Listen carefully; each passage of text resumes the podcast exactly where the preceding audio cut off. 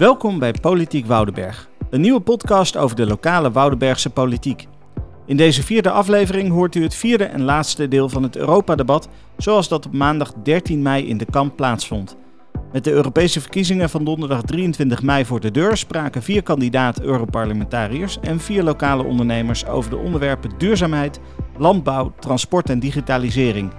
In dit laatste deel hoort u Christian Zwart van de VVD, Mark Laurix van de PvdA, transporteur Henk van Bentum en IT-ondernemer Chris van Lid over het onderwerp digitalisering, waaronder de macht van grote techbedrijven als Facebook, Google en Amazon. We gaan naar digitalisering. En meneer Van Lid, Brexit hadden we het net over. Daar heeft u niets mee te maken? Nee, in principe niet. Uh, wij doen op dit moment nog niet heel veel in het uh, buitenland. Maar het is wel zo dat een van mijn stellingen, daar komt daar al een beetje op, terug. In die zin dat in Nederland hebben we qua kadaster het allemaal heel goed geregeld. Daar, daar maak ik gebruik van. En Engeland kent helemaal geen kadaster.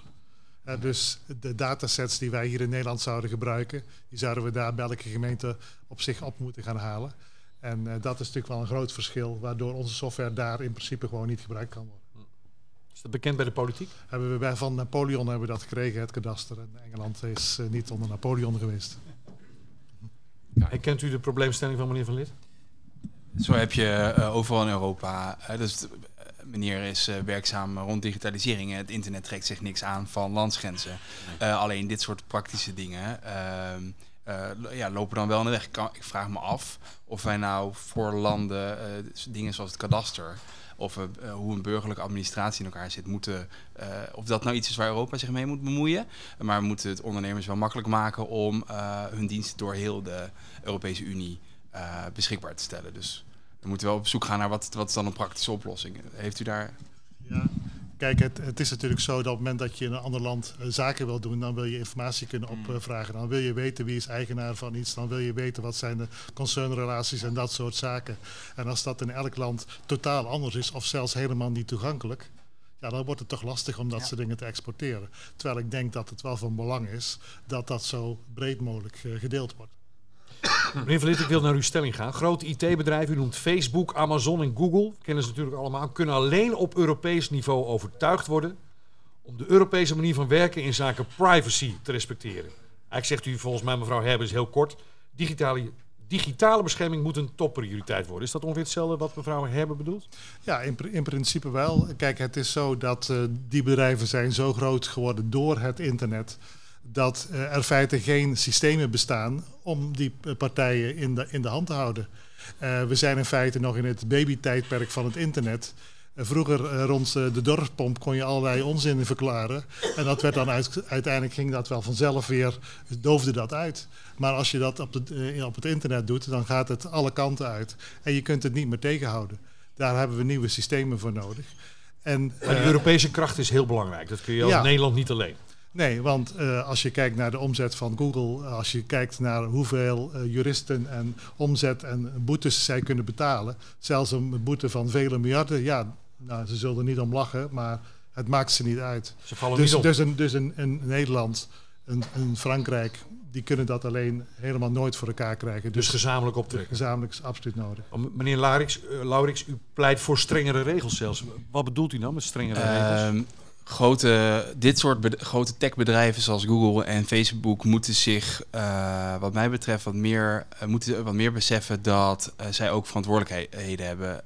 zij, het komt er op een gegeven moment op neer dat zij ook als het ware publieke diensten aan het verlenen zijn.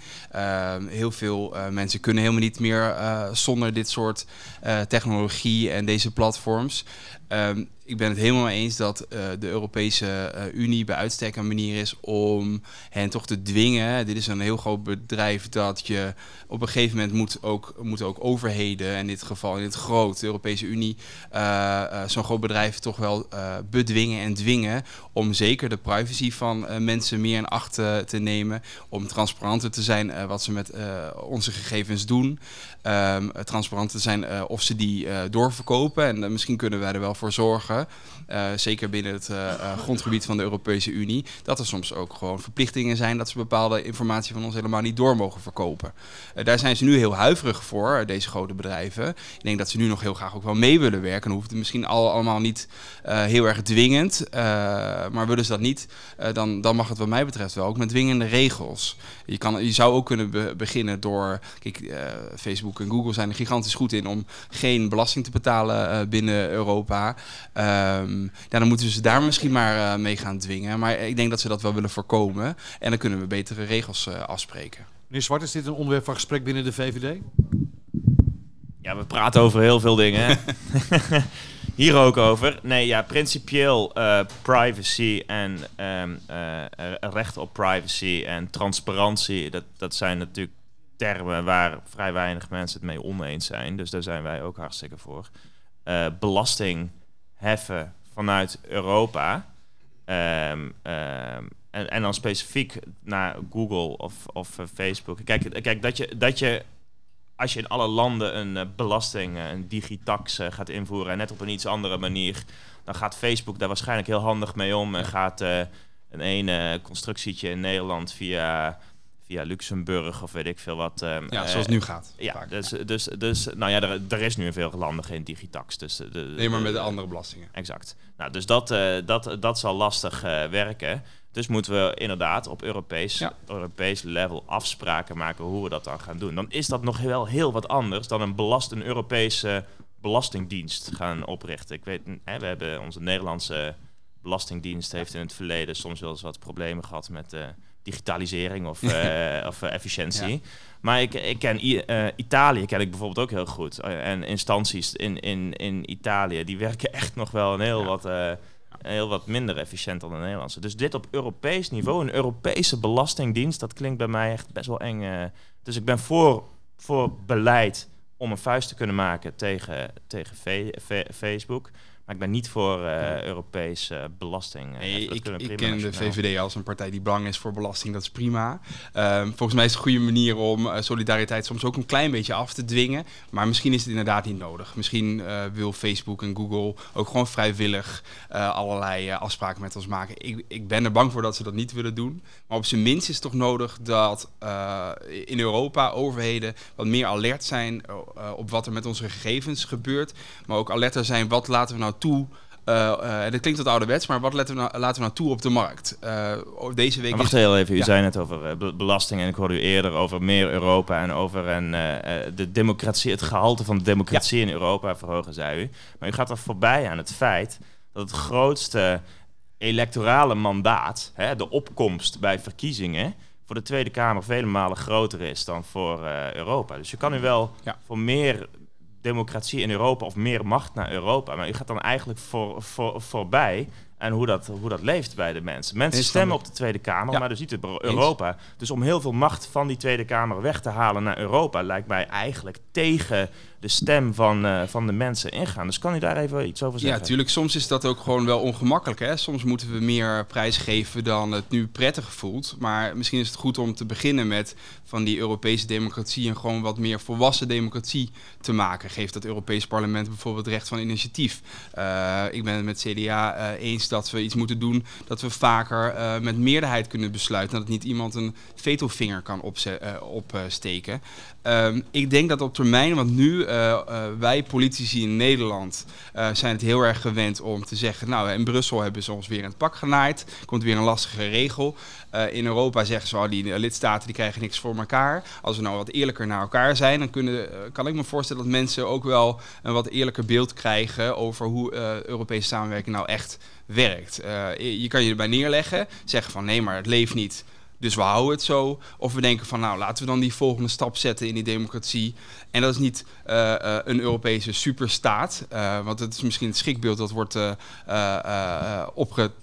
Maar dat is meer een, een volwassen democratie maken van het Europees parlement. Zorg ervoor dat zij bijvoorbeeld de commissie kunnen wegsturen. Je, je zorgt ervoor dat er eh, eh, ook daar gewoon een volwassen parlement ontstaat. Dus dat is een manier. Ehm, eh, om door te gaan op mijn punt, te kijken wie laten we nou toe op de markt. Deze week is het uh, Eurovisie, Eurovisie Songfestival. Ik weet niet of er fans in de zaal zitten.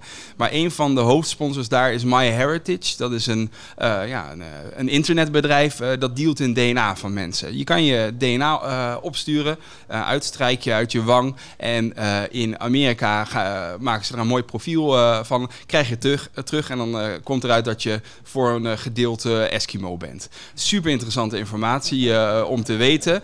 Dat doen dan ook heel veel mensen, heel veel jongeren ook vooral. En die informatie wordt heel mooi gebruikt om door te verkopen. Wat voor ziektes zijn er bijvoorbeeld veel gangbaar bij Nederlanders? Waar zijn ze gevoelig voor? Dat kan, is hele gevoelige strategische informatie. Laten wij gewoon toe op de Europese markt. En dat wij dat ook in Europees verband wat meer volwassen moeten worden. Dat is weer hetzelfde woord. Waar pleit je voor dan? ik ben er helemaal niet vies van om wat strenger te zijn om te na te denken wie laat je nu toe op die markt. Dat kan best wel meer aan de voorkant, want we laten ons overkomen. Dat hebben we gedaan met Uber, dat hebben we gedaan met Deliveroo, met Airbnb digitale, uh, al, al die apps die zijn er gewoon. Ze worden gebruikt, ze worden vanuit een ander land uh, beschikbaar gesteld voor en wij gaan ze gewoon gebruiken. Dit is gewoon hoe de moderne tijd werkt. Goede marketing. Uh, nou, dat is gewoon een goed product. Hè? Het werkt snel, maar er zitten allemaal, allemaal niet zo fijne dingen achter. Slechte arbeidsvoorwaarden, een verstoorde huizenmarkt bijvoorbeeld. Nou, zorg er nou voor dat je uh, wat makkelijker het voor elkaar krijgt om er aan de voorkant bij te zitten. Het hoeft niet allemaal een soort een poort te zijn van hoi, we hebben een nieuwe technologie, mogen we wel. Maar uh, wij kunnen uh, ook wel veel meer meedenken aan de voorkant. Wat dat is een van de dingen die helpt. Nou ja, ik zat te, te denken, we, hebben het, we praten hier natuurlijk over het probleem dat één of meerdere bedrijven heel veel macht hebben. En dan moeten we allerlei dingen doen om die macht te beperken. Uh, maar misschien kunnen we het helemaal van de andere kant bekijken. Een creatieve oplossing van 100 jaar geleden uh, gebruiken. De, in Amerika met uh, Standard Oil had te veel macht. En wat deed de overheid? Jullie moeten je opdelen in verschillende kleinere onderdelen. Als Google allemaal in, in, de landjes op zich zit, dan hebben ze die macht niet. Ik weet niet of die tactiek nog steeds werkt. Maar je kunt of het kan. Of het kan. Hij bestaat nog wel. Ja. Maar eh, dat zou een andere manier zijn, want je wilt balans uh, creëren. En dus je moet ofwel zelf heel veel checks en balances gaan maken, of je moet zorgen dat die andere minder machtig wordt. Ja, maar het, pro probleem hier is dat dit uh, bedrijven uit de Verenigde Staten zijn. Dus dit kunnen we, heel, uh, dit, dit, kunnen we in Europa natuurlijk niet doen. Natuurlijk kan dat, want als, als een bedrijf gaat fuseren, moeten ze ook toestemming hebben van allerlei... Ja, nee, dan wel. Dus, dus, dan wel. Dus, ja, ja. dus je kunt daar ook regels voor maken. Nee, dat is uiteraard waar. Maar dan zul je... Een, ja, we kunnen als Europese Unie niet besluiten om Facebook op te, op te knippen. Waarom willen ze ze weg? Een uitdaging, ja. Een uitdaging, ja. Die, dat pleidooi van een van de oprichters van Facebook om dat te doen, uh, was er niet voor niets. Ik vind het uh, wel het meest rigoureuze middel. Uh, laten we ervoor zorgen dat we daar niet uitkomen misschien. maar het temmen van de markt via de Europese Unie, ja, dat is heel ouderwets sociaaldemocratie, maar ik ben er niet tegen. Dit was de vierde en laatste aflevering van Politiek Woudenberg over de Europese verkiezingen. Morgen zijn die Europese verkiezingen en met de afgelopen vier afleveringen hopen wij u overtuigd te hebben dat een lokale stem in de Europese verkiezingen een effect kan hebben, zowel op Europees als op lokaal niveau. Afgelopen dagen hoorde u veel van ons. Wanneer de volgende aflevering van deze podcast volgt, is momenteel nog onduidelijk. Gebruik een podcast-app als de Spotify-app, de Apple en Google Podcast-apps om op de hoogte te blijven. Abonneer in die apps op deze podcast om direct bericht te krijgen zodra er een nieuwe aflevering is. Ook kunt u deze podcast volgen op Facebook en Twitter. Ga daarvoor naar facebook.com slash politiekwoudenberg of twitter.com slash politiekweberg. Tot de volgende keer.